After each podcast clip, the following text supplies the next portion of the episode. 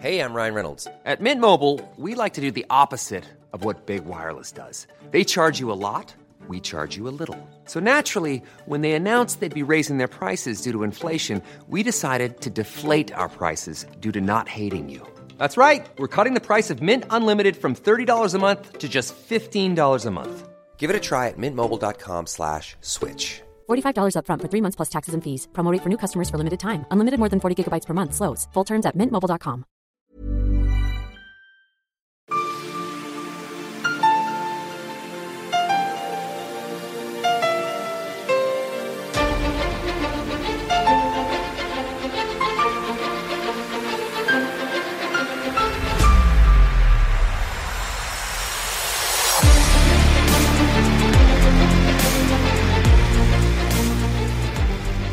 lyssnar på Militärsnack, podcasten där militära saker blir lätta att fatta.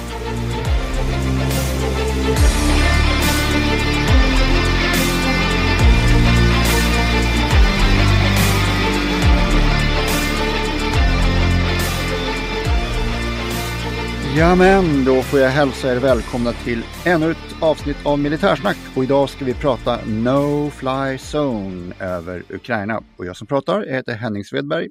Och på en bärande våg sitter... Major Kai Rämö och jag är försvarspolitisk talesperson i Medborgerlig Samling så att nu uttalar jag mig som politiker och inte som yrkesmilitär även om jag har den kompetensen. Ser där, välkommen Kai! Tackar! Du har ju varit med förr och även då var du som talesperson för Medborgerlig Samling. Eh, stämmer bra, ni hade ju en intervjuserie med eh, försvarspolitiska talespersoner för eh, riksdagspartierna plus oss i Medborgerlig Samling. Mm. Du var väl inte helt nöjd för du blev ju inte försvarsminister? Ja, vi har en väldigt kompetent försvarsminister den här gången så att jag känner mig ganska trygg med Paul Jonsson. Mm. Eh, det är ju fredag så jag tänkte höra med dig Kai, vad har du i glaset? Ja, ni har ju en fredagstradition och eh, jag tänkte först vara så att eftersom löjtnanter dricker eh, öl så borde majorer dricka champagne men så tänkte jag att jag ska inte krascha ert format. Så att eh, jag dricker faktiskt en klassisk Erdinger Weissbier och inget annat. En riktig Münchenbira. Ja, jag har faktiskt besökt eh, bryggeriet och eh, med tysk precision så hade de en borrkärna på ungefär 75 meter ner till deras källa så att eh, du kan granska hela borrkärnan hela vägen ner på bryggeriet. Okej, okay, okej. Okay. Det är säkert vatten från ett biflöde till floden Isar om jag gissar rätt. Jag har faktiskt ingen aning varifrån de får sitt grundvatten där så att eh, men eh, ja, det är tysk grundlighet och det är intressant att se processen med höglager där de slutjäser ölen i flaska. Mm. Mm. Och eh, bara som kuriosa, var sjätte minut så kommer en lastbil och lastas fullt med öl. Ja, precis. Och vad dricker du ikväll? Ikväll så tänkte jag ta en Navarra, ett rödvin. Jag passar på att eh, medan eh, katterna är borta så dansar råttan på bordet så att det blir ett rött vin för mig. Och Agramont är en favorit. Det är ett ganska kraftigt spanskt vin med väldigt lite socker och det gillar jag. Lite vanilj, lite ek och lite tobak. Nu känner jag mig lite blåst. Jag skulle ha kört på champagne egentligen. ja, jag ska förklara också att eh, löjtnanten är ledig idag för att han är ute till skogs och eh, skjuter snygga serier 5 om 5 med 762.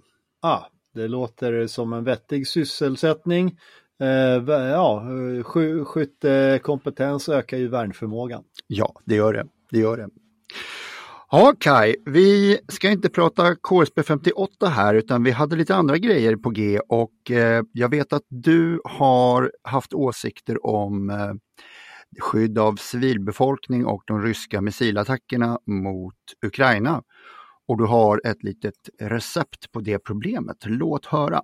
Ja, eh, det finns ju alltid röda linjer enligt vissa, men vi kan ju konstatera att de ryska kryssningsmissilerna framför allt, eh, de eh, slår ju ner bland civilbefolkning och eh, går inte på militära mål. Så att eh, varje avskjuten sådan är ju eh, de facto ett folkrättsbrott och inget annat. Och då kan jag tycka då att när man då är rädd för att engagera NATO och EU så kan jag tycka att Ukraina borde utlysa no-fly zone över stora delar av sitt territorium och eh, jag ser inga problem med att NATO-flyg skulle inte kunna skydda ukrainarna från kryssningsrobotar.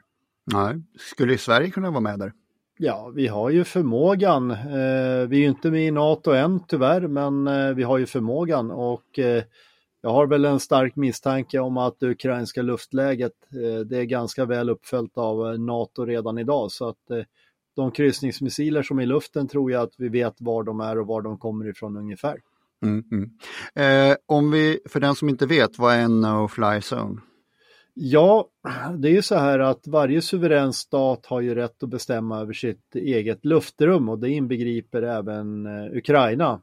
Och eh, det betyder att eh, hade de, jag föreslog ju redan 5 februari förra året att Ukraina skulle be NATO om hjälp för att upprätta no-fly zone, det vill säga väldigt smala tillåtna luftkorridorer för civil luftfart. All övrig, allt övrigt luftrum skulle varit förbjudet att flyga i. Och det här är helt i enlighet med ICAOs eh, regelverk, det vill säga eh, FN-organet som styr luftfart i världen. Och eh, som jag ser det då, ja, hade man stängt luftrummet så tror jag inte ens att invasionen hade börjat eh, den 24 februari. Så att, eh, ja, eh, jag var några veckor före. Eh, och nu tycker jag då att i och med att man skjuter mot civila mål så kan jag tycka då att varför skulle inte vi hjälpa till att skjuta ner dem från flygplan. Och fördelen med flygplan i luften är ju trots allt att eh, Ryssland kan ju inte, ja, vi säger så här, man kan inte kärnvapenbomba bort flygplan i luften. Nej. Och de kan ju svårligen hävda att eh, en försvarsåtgärd att skjuta ner kryssningsmissiler är en krig, krigshandling mot Ryssland. Nej, det är det ju inte. Det tar ju udden av lite av deras aggression förstås, men eh, som du säger så är det väl kanske inte, det är inte en aggression mot Ryssland, nej. Nej, precis, och folkrättsligt så borde det väl vara 110 procent korrekt för NATO och EU att skydda civilbefolkningen i Ukraina. Mm, mm. Har någon sån här no-fly zone upprättats i modern tid någonstans? Ja, alltså vi har ju haft no-fly zones eh, under Balkankrigen så upprätthöll ju NATO det. Eh, samma sak, eh, Irak eh, upprätthöll ju de allierade där, eh, no fly zones och Kuwait när det kriget pågick. Så att eh, absolut, det, det finns mekanismer för det, det är beprövat. Ja, Libyen var ju samma sak, där fanns det också no fly zones under Unified Protector 2011. Mm, mm. Och hur är din vision för här, den här implementeringen i Ukraina idag då? Nej, men i princip NATO-flyg skulle kunna starta från NATO-territorium. Eh, AWACS håller koll på lufthavet och eh, ger målangivelser när man ser kryssningsrobotar då. Och eh, det som är grejen det är ju att eh, ja, ballistiska missiler kan man inte göra någonting åt, men jag misstänker att det är en större bristvara än kryssningsrobotar för ryssarna. Så att eh, jag tycker att eh, ja, starta eh, och lufttanka ovanför NATO-territorium Rumänien, Bulgarien, Polen och eh, ja, sen gör man sin grej helt enkelt. Combat Air Patrol. Hur, jag har inte någon, någon, koll på hur mycket det är de skjuter, men det verkar vara rätt mycket. Hur många missiler pratar vi per dag ungefär? Ja, jag har nu ingen exakt siffra, men det verkar ju vara allt ifrån 10 till 30-40. Eh, jag tror det största anfallet som jag kan minnas i huvudet var väl någonstans kring 40-46 missiler då, eller robotar. Så att eh, det är ju så pass många. Ungefär hur mycket flygplan behöver man i luften för att stå emot ett av de större av de här anfallen? Eh, ja, de går ju oftast inte mot samma mål utan de går ju mot olika mål. Och eh, ja, vi kan ju inte prata exakt om kilometrar och räckvidder och så här, men eh, om man säger att eh, en, en eh, kryssningsmissil har ju inga motmedel mot jaktrobotar och sånt där. Så att eh, det betyder att det är lätta mål. De gör inte aktiva undanmanövrar när de blir mållåsta och sådär. Så att eh, Ehm, jag skulle vilja påstå att det är ett relativt lätt mål och eh, då är det mer en fråga om hur eh, lång räckvidd våra robotar är och om vi kan möta dem. Och jag är helt säker på att gör man en underrättelseanalys så går det nog att hitta eh, lufthav där det är förmånligt att befinna sig. Och vad pratar vi om antalet flygplan? Ja, det får väl de som företagsplanerar lista ut, men jag skulle gissa att eh, det räcker med relativt få flygplan men de måste vara on station, det vill säga på plats över tiden. Så det kommer ju kräva viss logistik med lufttankning och så vidare. Mm, mm. Det blir lite turkey shoot över det antar jag eftersom de inte är farliga direkt att skjuta på. De skjuter inte tillbaks så att det blir bra övning för jaktpiloterna att skjuta på dem. Ja, jag skulle vilja påstå att eh, en del av det som åker eller skänks till Ukraina, man kan ju ställa sig frågan hur mycket som är live prov och försök. Jag misstänker att det finns vissa inslag av det också i eh, det som doneras. Så att, eh, ja, jag tror att det skulle vara relativt lätta mål och jag tror att vi skulle lära oss mycket av det också. Mm. För det här skulle ju kunna, eh, vi själva i Sverige skulle i, i, eh, i princip eh, kunna bli utsatta för det själva i en liknande situation så att det är väl bra kunskap att ha. Absolut, absolut. Eh, som sagt var, man kan säga att robotanfall mot eh, mål brukar man försöka mätta luftvärnet med flera robotar. Eh, men det känns ju inte som att Ryssland har en förmåga att genomföra riktigt massiva eh, Eh, robotanfall mot enskilda mål utan det är, ja, det är mer enskilda mål som de bedömer som ja, kraftstationer, transformatorstationer, knutpunkter i infrastruktur rent generellt. Och eh, det är ändå så att säga mål som man vet att okej, okay, det är det de är ute efter så att det borde vara relativt lätt att skydda sig mot eh, robotanfall. Jag säger inte att man fixar allt, men jag tror att man fixar mycket. Mm. Jag såg någon filmsnutt här på Youtube för några dagar sedan med en kille som står med en så kallad manpad, en, en eh, handhållen eh, luftvärnsmissil, eh, robot, vad säger man? Robot är ju den korrekta svenska benämningen. Missil är ju swinglish tänkte jag säga, eller svengelska. Mm. Eh, däremot ska man vara medveten om att robot kan ju missuppfattas i engelsk nomenklatur jämfört med våran då. Och ska vi ha ett helsvenskt ord så gillade jag det gamla ordet på robot. Innan vi döpte det till robot så hette det faktiskt lufttorped. Mm. Japp. Mm. Men de här, eh, bara, nu lämnar jag spåret lite för min mm. egen nyfikenhet, men eh, de här som de skickar ryssarna, det verkar inte vara så jäkla bra precision på dem. Eh, det är ju svårt att säga. Vi vet ju inte vilken, eller jag vet inte vilken telekrigsmiljö som finns eh, där. Eh, gissningsvis så navigerar ju ryska kryssningsrobotar beroende på generation efter GPS, GLONASS och Baidu som är den kinesiska, GLONASS är den ryska och GPS är den amerikanska. Så att det beror på vad de har och, sen är det frågan om vad är det för störning, störning som man kör på, mot de systemen. Eh, en annan faktor är ju att kryssningsmissiler eh, har ju oftast tröghetsnavigering också så att de har ju gyron och grejer. Och eh, vissa avancerade varianter har ju i slutfasen antingen bildalstrande eller, eller radar. Så att, eh, ja. Så det är svårt att säga. Det, det, det finns säkert de som håller på med, eh, ska vi säga, fältmässig forensisk tjänst för att utreda vad är det för styrsystem och allt sånt där. Då. Det kommer vi inte få veta förrän som 20, 30, 40 år när vi läser om historien om telekriget över Ukraina. Just, just. Vad är det som hindrar att den här idén som du har och förmodligen många med dig har om eh, insats med eh, NATO-stridsflyg över Ukraina för att skydda civilbefolkningen, vad är det som hindrar att, att det implementeras? Det är fega politiker. Eh, ryssarna skramlar ju med jämna mellanrum med kärnvapen. Eh, jag, har, jag har ju svårt att se att det skulle bli någon form av motstånd mot att NATO skyddar civil infrastruktur och civila städer mot eh, kryssningsrobotanfall. Jag har svårt att se det. För det första så är ju kriget från början till slut folkrättsvidrigt. Mm. Så att jag kan inte se någon större internationell opinion mot att om NATO skulle göra det här. Eh, det är en viljefråga. Jag tror att förmågan i sig, den finns inom NATO. Mm. Eh, och som jag sa tidigare, vi kommer inte att kunna ta allting, men jag tror att eh, vi kommer att kunna ta mycket eh, och det betyder att då kanske ukrainarna får elektricitet och värme istället för att de fryser nu mitt i vintern. Så att, eh, jag ser bara en uppsida, utan det här är fega politiker som inte törs sätta hårt mot hårt, för förr eller senare så blir vi tvungna till det i alla fall. Vi vet ju nu att ukrainarna börjar få brist på vissa ammunitionstyper och så vidare. Och det betyder att ja, vi måste ställa om till en krigsekonomi även i Europa. För, det är, för, för att citera en amerikansk källa så konstaterar de att eh, för 5,6 procent av USAs eh, ja, krigsmakts eller försvarsmaktsbudget så håller de faktiskt på att krossa den ryska armén.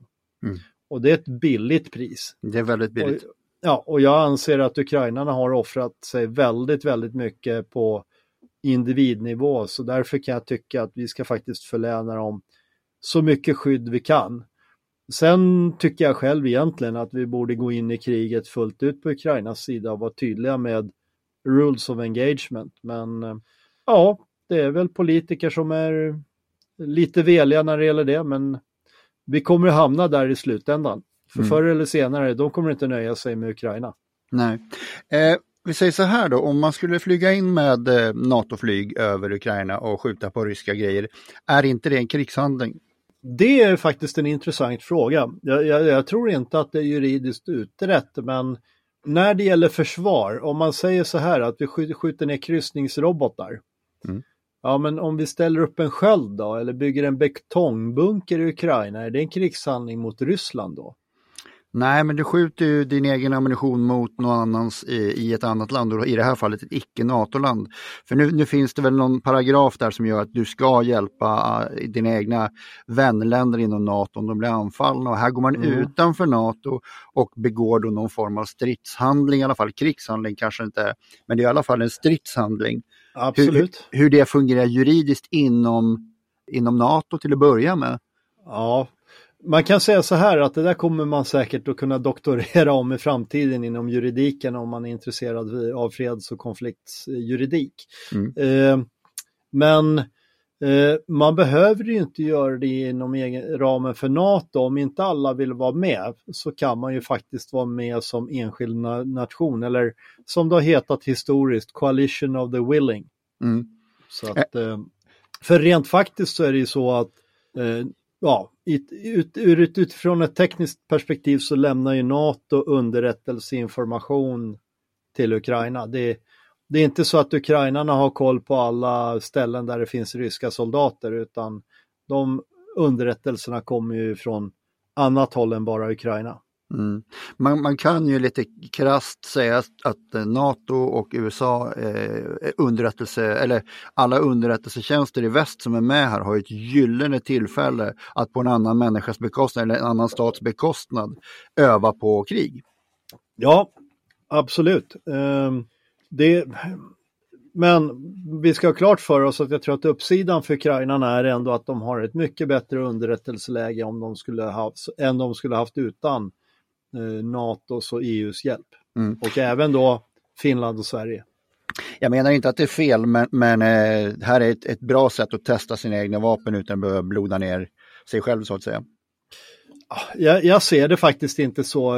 Jag ser det mer som att eh, vi måste hjälpa det ukrainska folket så mycket vi kan. Och jag skulle vilja påstå att våran hjälp är någonstans 20% av det vi kan, så vi har 80% kvar att ge. Och man kan ju ställa sig frågan varför ha en sån här gradering, utan jag anser väl att det är väl bättre att vi går in så hårt vi kan med alla våra förmågor för att eh, det är bara att inse. Eh, det här kriget får bara sluta med att Ukraina återtar alla sina gränser som definierades enligt Budapesttraktatet eh, 94. Mm.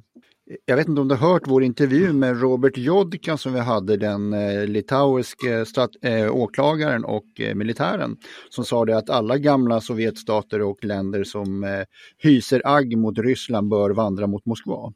Ja, um, ja det är, det är en intressant synpunkt. Um, frågan är bara vilken um, de facto kapacitet har man? Jag är väl, uh, ja, jag tror att det är bra att låta Rysslands nuvarande gränser vara. Att de ska vi inte pilla på. Vi, vi ska inte göra det bara för att de har gjort det, utan jag kan tycka då att ja, i och för sig, jag blir ju inte ledsen om eh, Finland får tillgång till Norra ishavet och eh, östra Karelen, men eh, ja, det är ändå historiska saker. Så att, men ja, jag förstår varför de tycker det, men eh, jag ser massor med problem med det, för det är ju faktiskt så att Ryssland har kärnvapen och eh, där tror jag inte att de kommer att vika. Är, är Moskva eller Sankt Petersburg hotat av något land som har kärnvapenvärdiga mål om jag uttrycker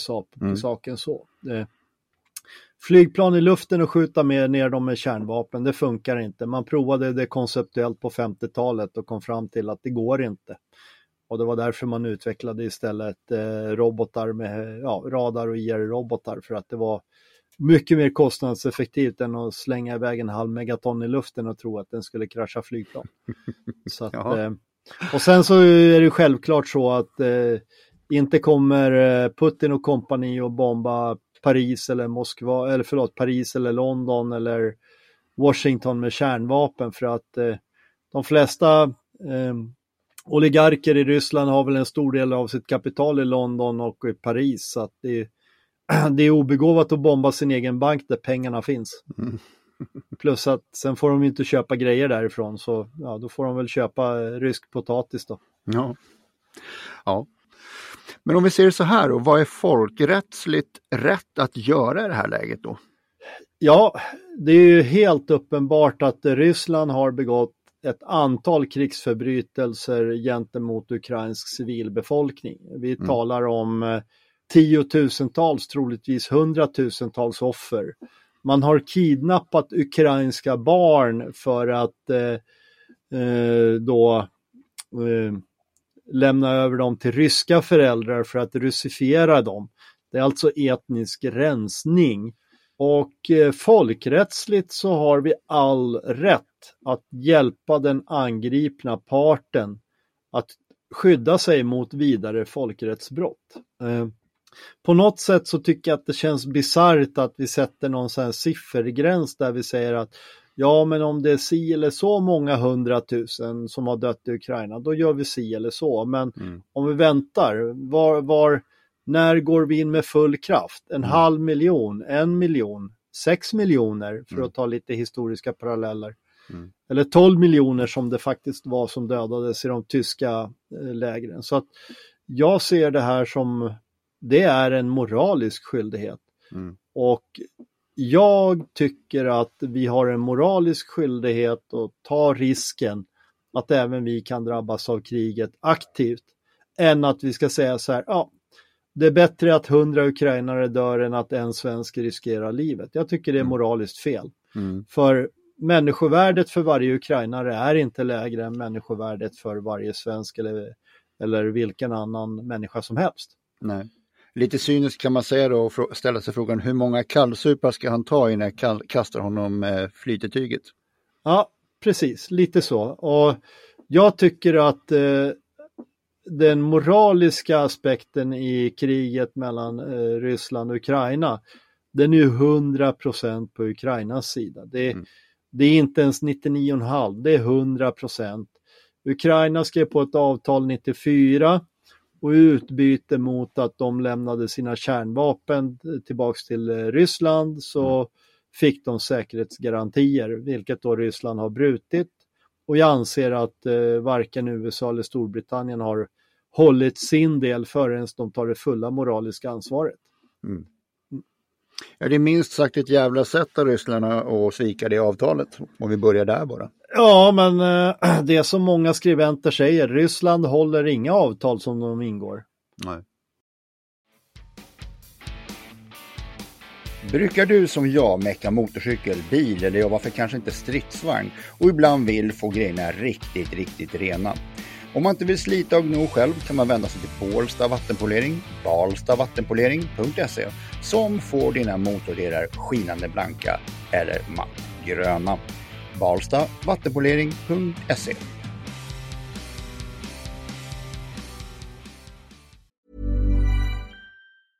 Ryan Reynolds här från Mint Mobile. Med priset på nästan allt som går upp under inflationen, trodde vi att vi skulle bring våra priser down.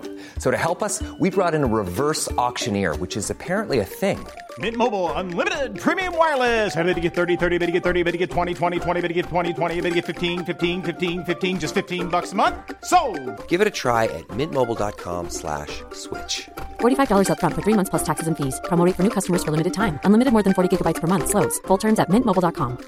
Hey, it's Ryan Reynolds, and I'm here with Keith, co star of my upcoming film, If, only in theaters, May 17th. Do you want to tell people the big news? All right, I'll do. it. Sign up now and you'll get unlimited for $15 a month in six months of Paramount Plus Essential Plan on us. Mintmobile.com slash switch. Upfront payment of $45 equivalent to $15 per month. Unlimited over 40 gigabytes per month. Face lower speeds. Videos at 480p. Active Mint customers by 531.24 get six months of Paramount Plus Essential Plan. Auto renews after six months. Offer ends May 31st, 2024. Separate Paramount Plus registration required. Terms and conditions apply if rated PG.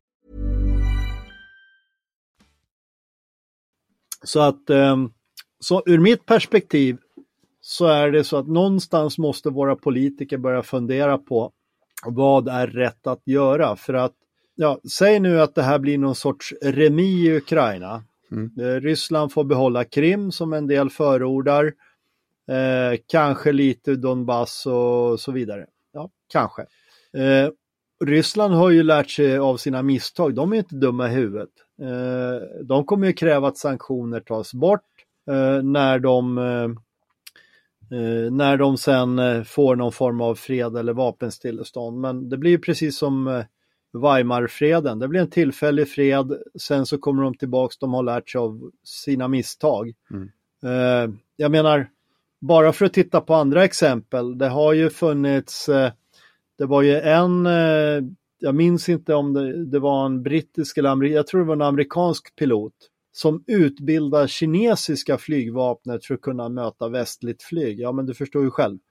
Det är klart att det kommer att finnas folk i väst som sympatiserar med ryssarna av någon anledning och om inte annat så kanske någon tilltalas av att öka på vikten på den egna plånboken. Och sen så konsultar de i Ryssland så att de kanske får ett modernt effektivt ledarskap.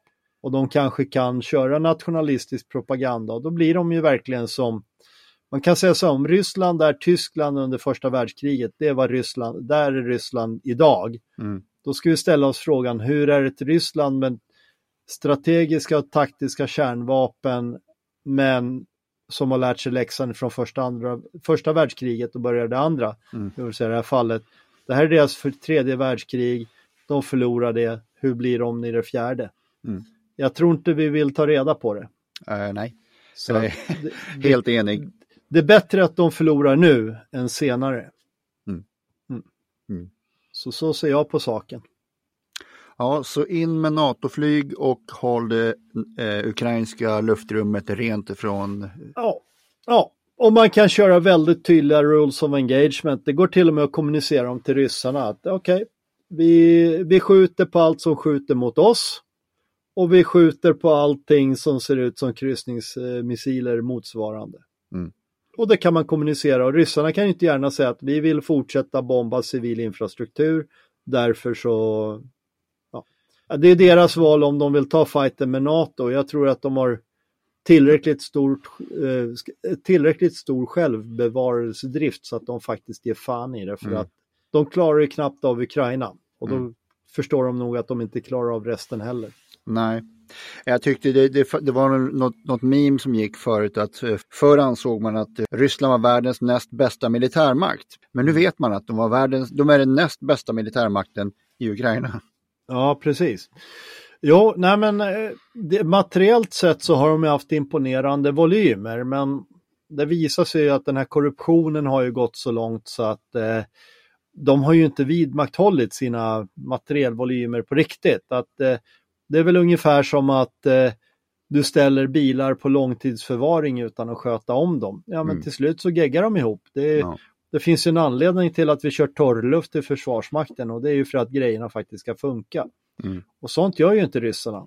Nej. Eh, Dessutom, ja, all, all bra materiel som de har fått, det känns ju som att över hälften minst har ju i korruptionen har ju försvunnit någon annanstans än till soldaterna som ska ha materiella. Men vi ska vara tacksamma för att de är inkompetenta tjuvar i den eh, ryska krigsmakten. För hade de varit kompetenta så hade det varit tråkigt på det riktigt. Ja, det är sant. Det är sant. Ehm, Jag tänkte så här, ryssarna säger ja men det kom ett F16 och sköt ner en av våra helikoptrar. Nej, vi har Ja. inte skjutit ner den. Men, Jo, nu har ni ag- vad är det aggression här och så säger de det i... i Ja, rysk- men eh, som jag sa, eh, Ukraina äger sitt eget ru- ru- luftrum. De deklarerar bara att från ukrainsk eh, nationalstatsgräns och en mil inåt Mm. det vill säga att det finns en eh, buffertzon på en mil garanterat, så säger vi att då är det no fly zone och det vi säger får skjutas ner får skjutas ner oavsett av vem. Mm. Eget luftvärn, eget jaktflyg, NATO-flyg, det spelar ingen roll. Det är, ska vi säga, det är fullt tillåtet enligt FN och i kaos regelverk och så vidare och så vidare. Så att eh, det finns inga hinder för det egentligen. Och då kan vi säga att vi agerar på inbjudan av NATO för att då kan man säga att ryssarna blev väl inbjudna till Sydossetien va? Mm. Mm. Så ja, jag, ser, jag ser inte det som ett jätteproblem och eh, det betyder att ryssarna måste ägna sig åt fjärrbekämpning. Vilket är bra för att då är det mycket kryssningsmissiler och, eller kryssningsrobotar och de kan vi sannolikt skjuta ner. Mm. Man säger så här, vad, vad gissning mellan tummen och pekfingret, hur många sådana här eh, kryssningsmissiler har de och hur många är de beredda att använda? Jag vet att det är svårt att svara på det, men bara ett finger i luften. Ja, hur många de har har jag ingen uppfattning om, men i det här kriget så kan jag tänka mig att de är mer eller mindre villiga att bränna av allihopa. Mm. För skulle det bli ett storkrig som hotar ryskt territorium och Krim är inte ryskt territorium, men ryskt territorium enligt gränserna innan 2014. Mm. Då kommer nog ryssarna vara väldigt tydliga med att då tar vi till strategiska kärnvapen för att visa att vi menar allvar. Och mm. du har inga strategiska kärnvapen i kryssningsmissiler i regel, utan det är taktiska. De är i och för sig tråkigt eh, stora också, men det är ändå hanterbart. Mm. Så att de kan nog vara villiga att bränna allihopa och de kan sannolikt producera krigsmateriel inklusive kryssningsrobotar, men frågan är hur snabbt och hur mycket. Mm. Eh, jag tror att det Ryssland gör nu, eller ryssarna, ja, det är nog att de börjar fundera på motståndarens center of gravity. Vad kan vi slå till mot ukrainarna så att de faktiskt tappar sugen och slåss helt och hållet? Um, jag tänker inte ge dem något tips, så jag tänker inte uttala mina tankar när det gäller det. Men jag tror att um, någonstans så letar nog ryssarna efter det slutgiltiga slaget där de kan deklarera någon form av seger. Mm. Um, antingen reell seger i form av uh, land, en diplomatisk seger där Eh, Krim tillerkänns Ryssland av eh, det internationella samfundet, sannolikt utbyte mot någon form av fred och ja, andra eftergifter. Eller så satsar de på sin den här halv miljon eh, reservister som man kör som kanonmat och så hoppas man att kulorna för ukrainarna tar slut innan, innan reservisterna för ryssarna tar slut. Mm. Jag föredrar ju självklart att Ukraina inte ska få slut på krut och kulor överhuvudtaget. Utan Nej. här får ryssarna gärna köra slut på sina reservister och då har de inget mer. Nej. Jag menar, är det slut på folk så är det slut på folk, så enkelt mm. är det. Häromdagen var det någon som sa att eh, 125 000 ryssar ska ha dött i det här kriget. Och jag vet inte om siffran stämmer, men, men eh, lite illustratoriskt kan man säga att det är väl ungefär som att du ställer en person varje meter från eh, Lidingö i Stockholm, för att ta en stadsreferens här i Stockholm för mig, och sen ut blir det hela vägen till eh, Eskilstuna. En per meter. Ja, jag har inte räknat på kilometrarna där, men eh, det är inte osannolikt att de har haft sådana förluster. Eh, det, det, är svårt att avgöra utifrån. Eh, så länge det inte drabbar Moskva eller Sankt Petersburg så tror jag inte att Putin bryr sig överhuvudtaget. Så att eh, det är tråkigt för de ryska männen och pojkarna men ja, samtidigt ukrainarna har ju en sån där jag vill kapitulera linje så då får väl ryska pojkar och män mm. ringa dit och säga att de vill inte kriga. Mm.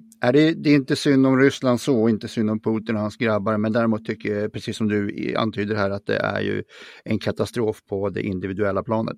Absolut. Ehm, vi har ju sett hur mycket eh, ryska eh, som riskerade att bli inkallade har råk, eller ska ha gjort. Det har ju funnits folk som har fått benen brutna med vilja och sånt där för att slippa mobilisera. Så jag har, jag har full förståelse för det.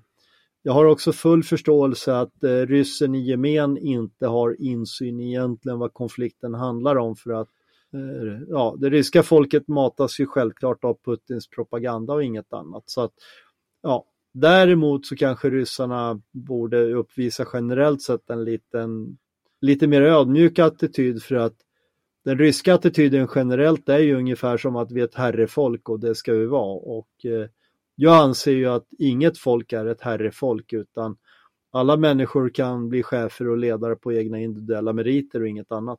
Mm. Mm. Bra. Att...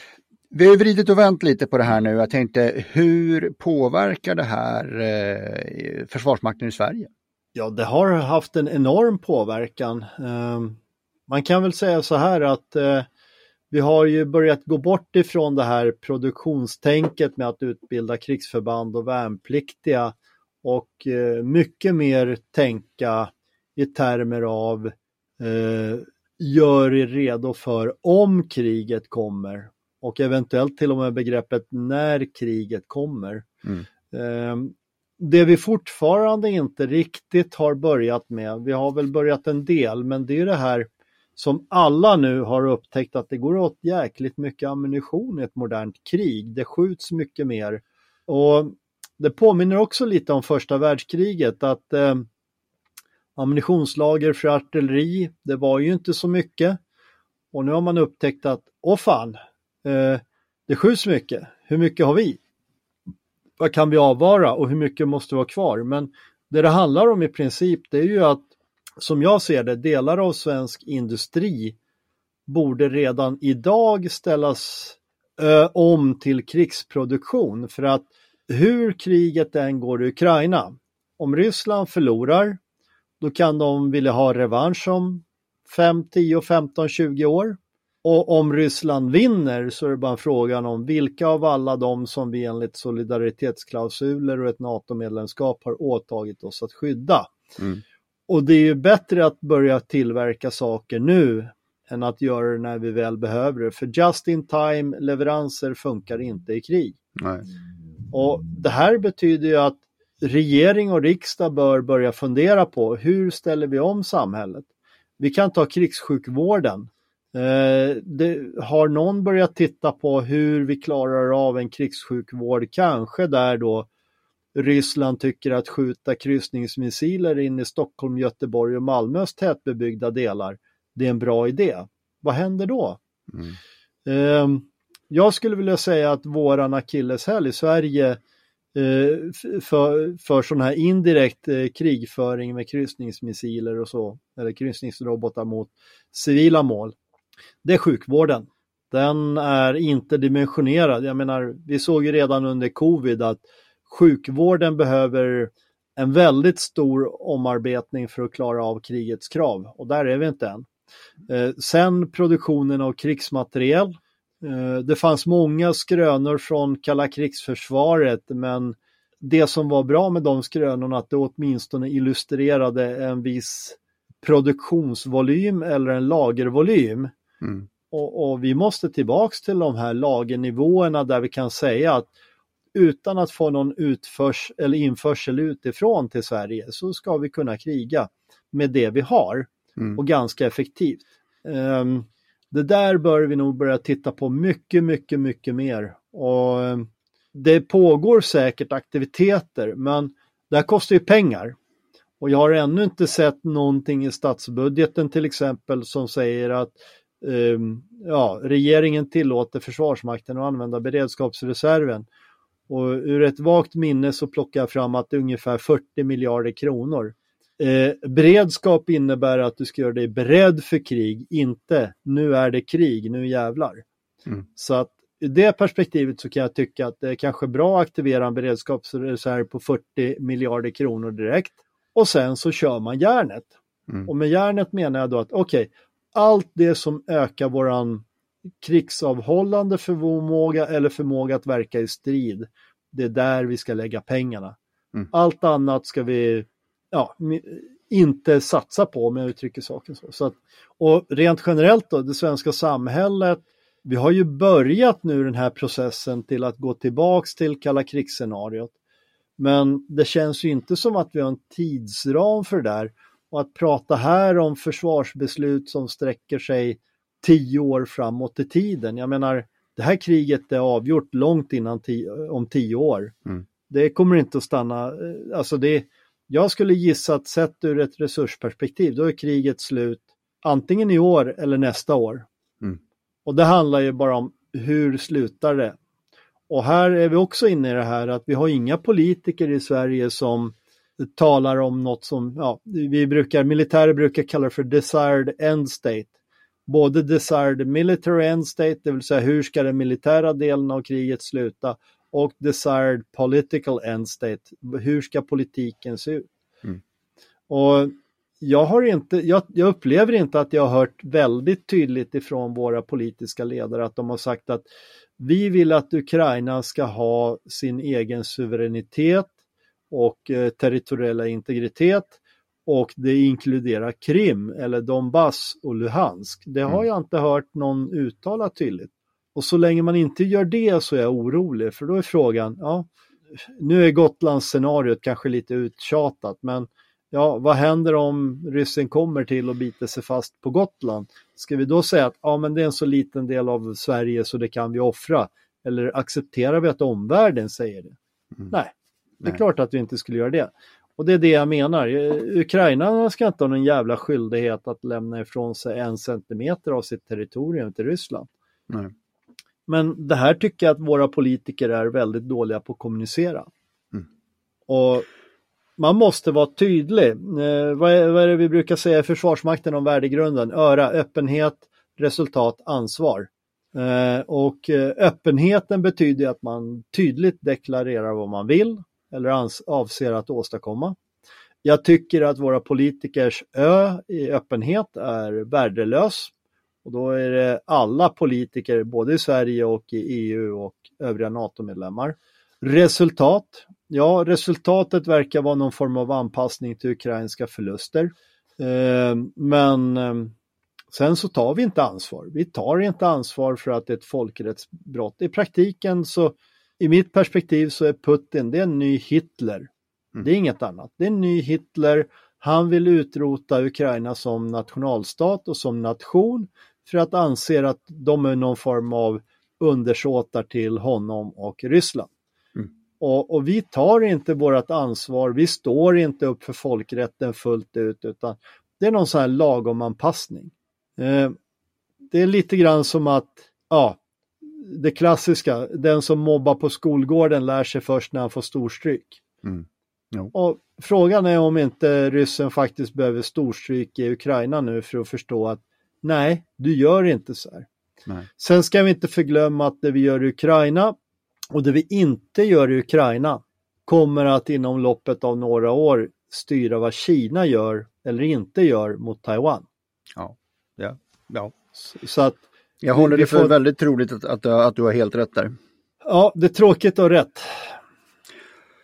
Ibland. Det kan vara så. Mm. Men apropå att ha rätt då, eh, vad gör svenska folket, gemene man, rätt just nu? Jag tycker att det är jättebra att det är ett större intresse för hemvärnet. Det gör man helt rätt.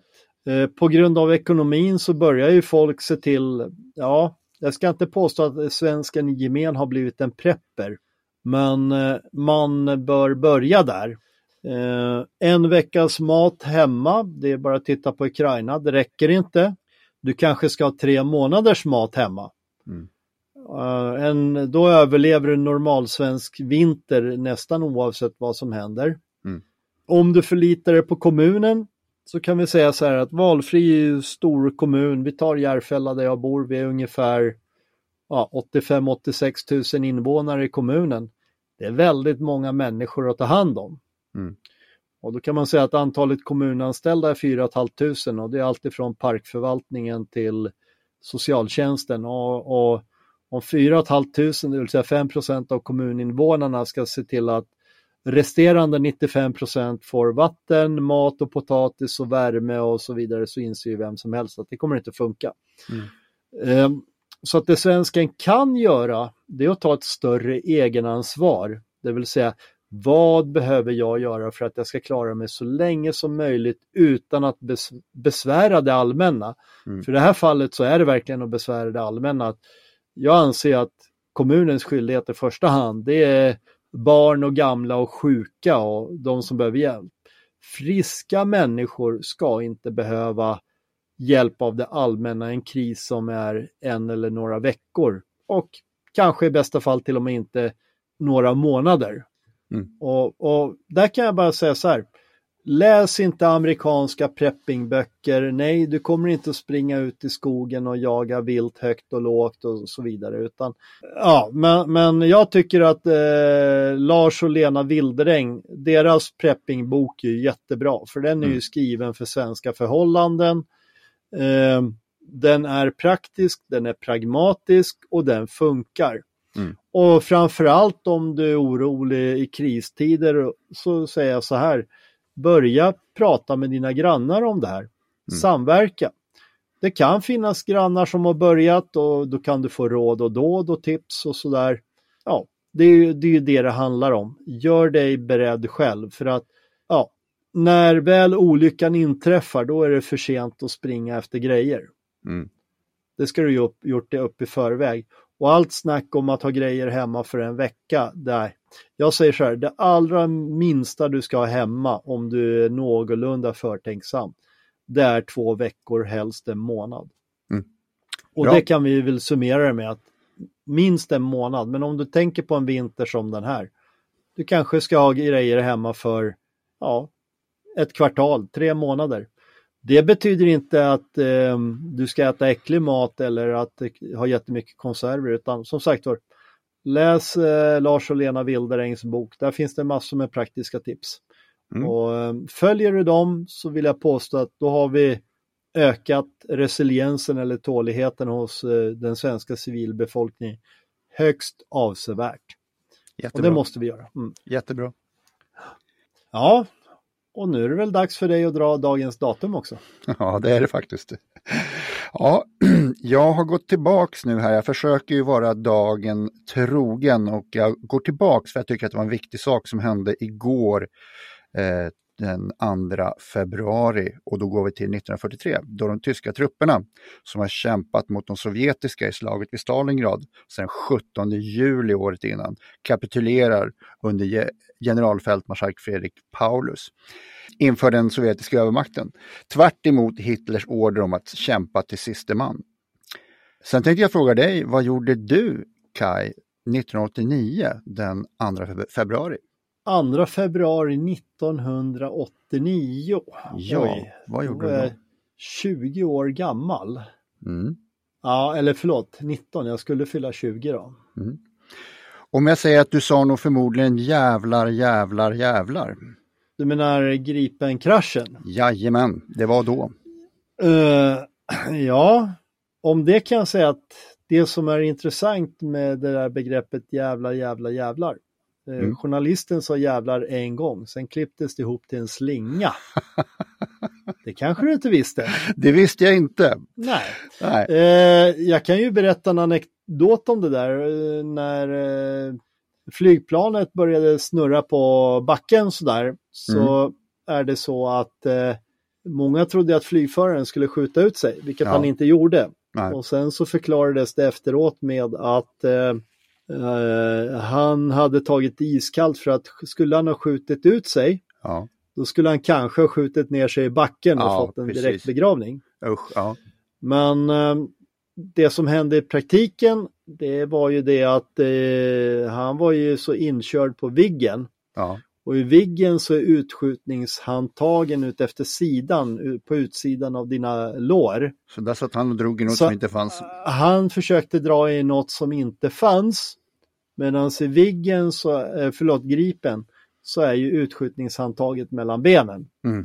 Och, Mm. Så att han höll på och viftade på utsidan av låren och inte på insidan. Så det var Men- väl tur det. Men det säger vi inte så får han ha heden i behåll där.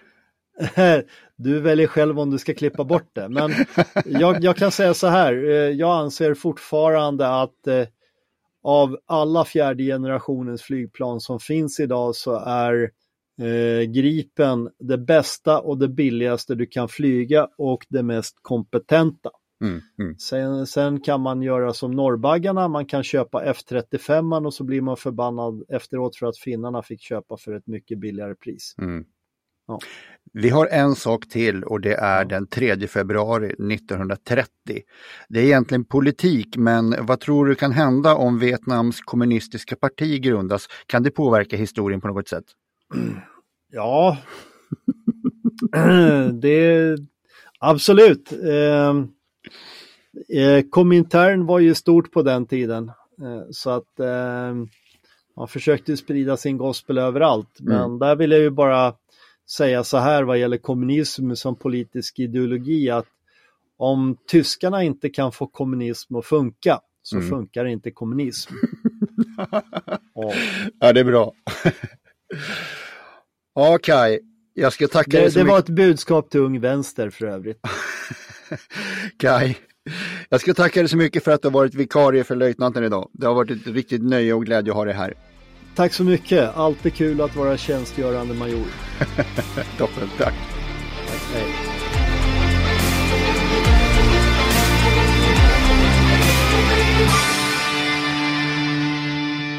Glöm inte att gilla, dela och gärna prata om vår podd med de vänner du tror skulle gilla den. Tack! Need new glasses or want a fresh new style? Warby Parker has you covered. Glasses start at just 95 bucks, including anti-reflective, scratch-resistant prescription lenses that block 100% of UV rays. Every frame's designed in-house with a huge selection of styles for every face shape. And with Warby Parker's free home try-on program, you can order five pairs to try at home for free. Shipping is free both ways too. Go to warbyparker.com slash covered to try five pairs of frames at home for free. warbyparker.com slash covered.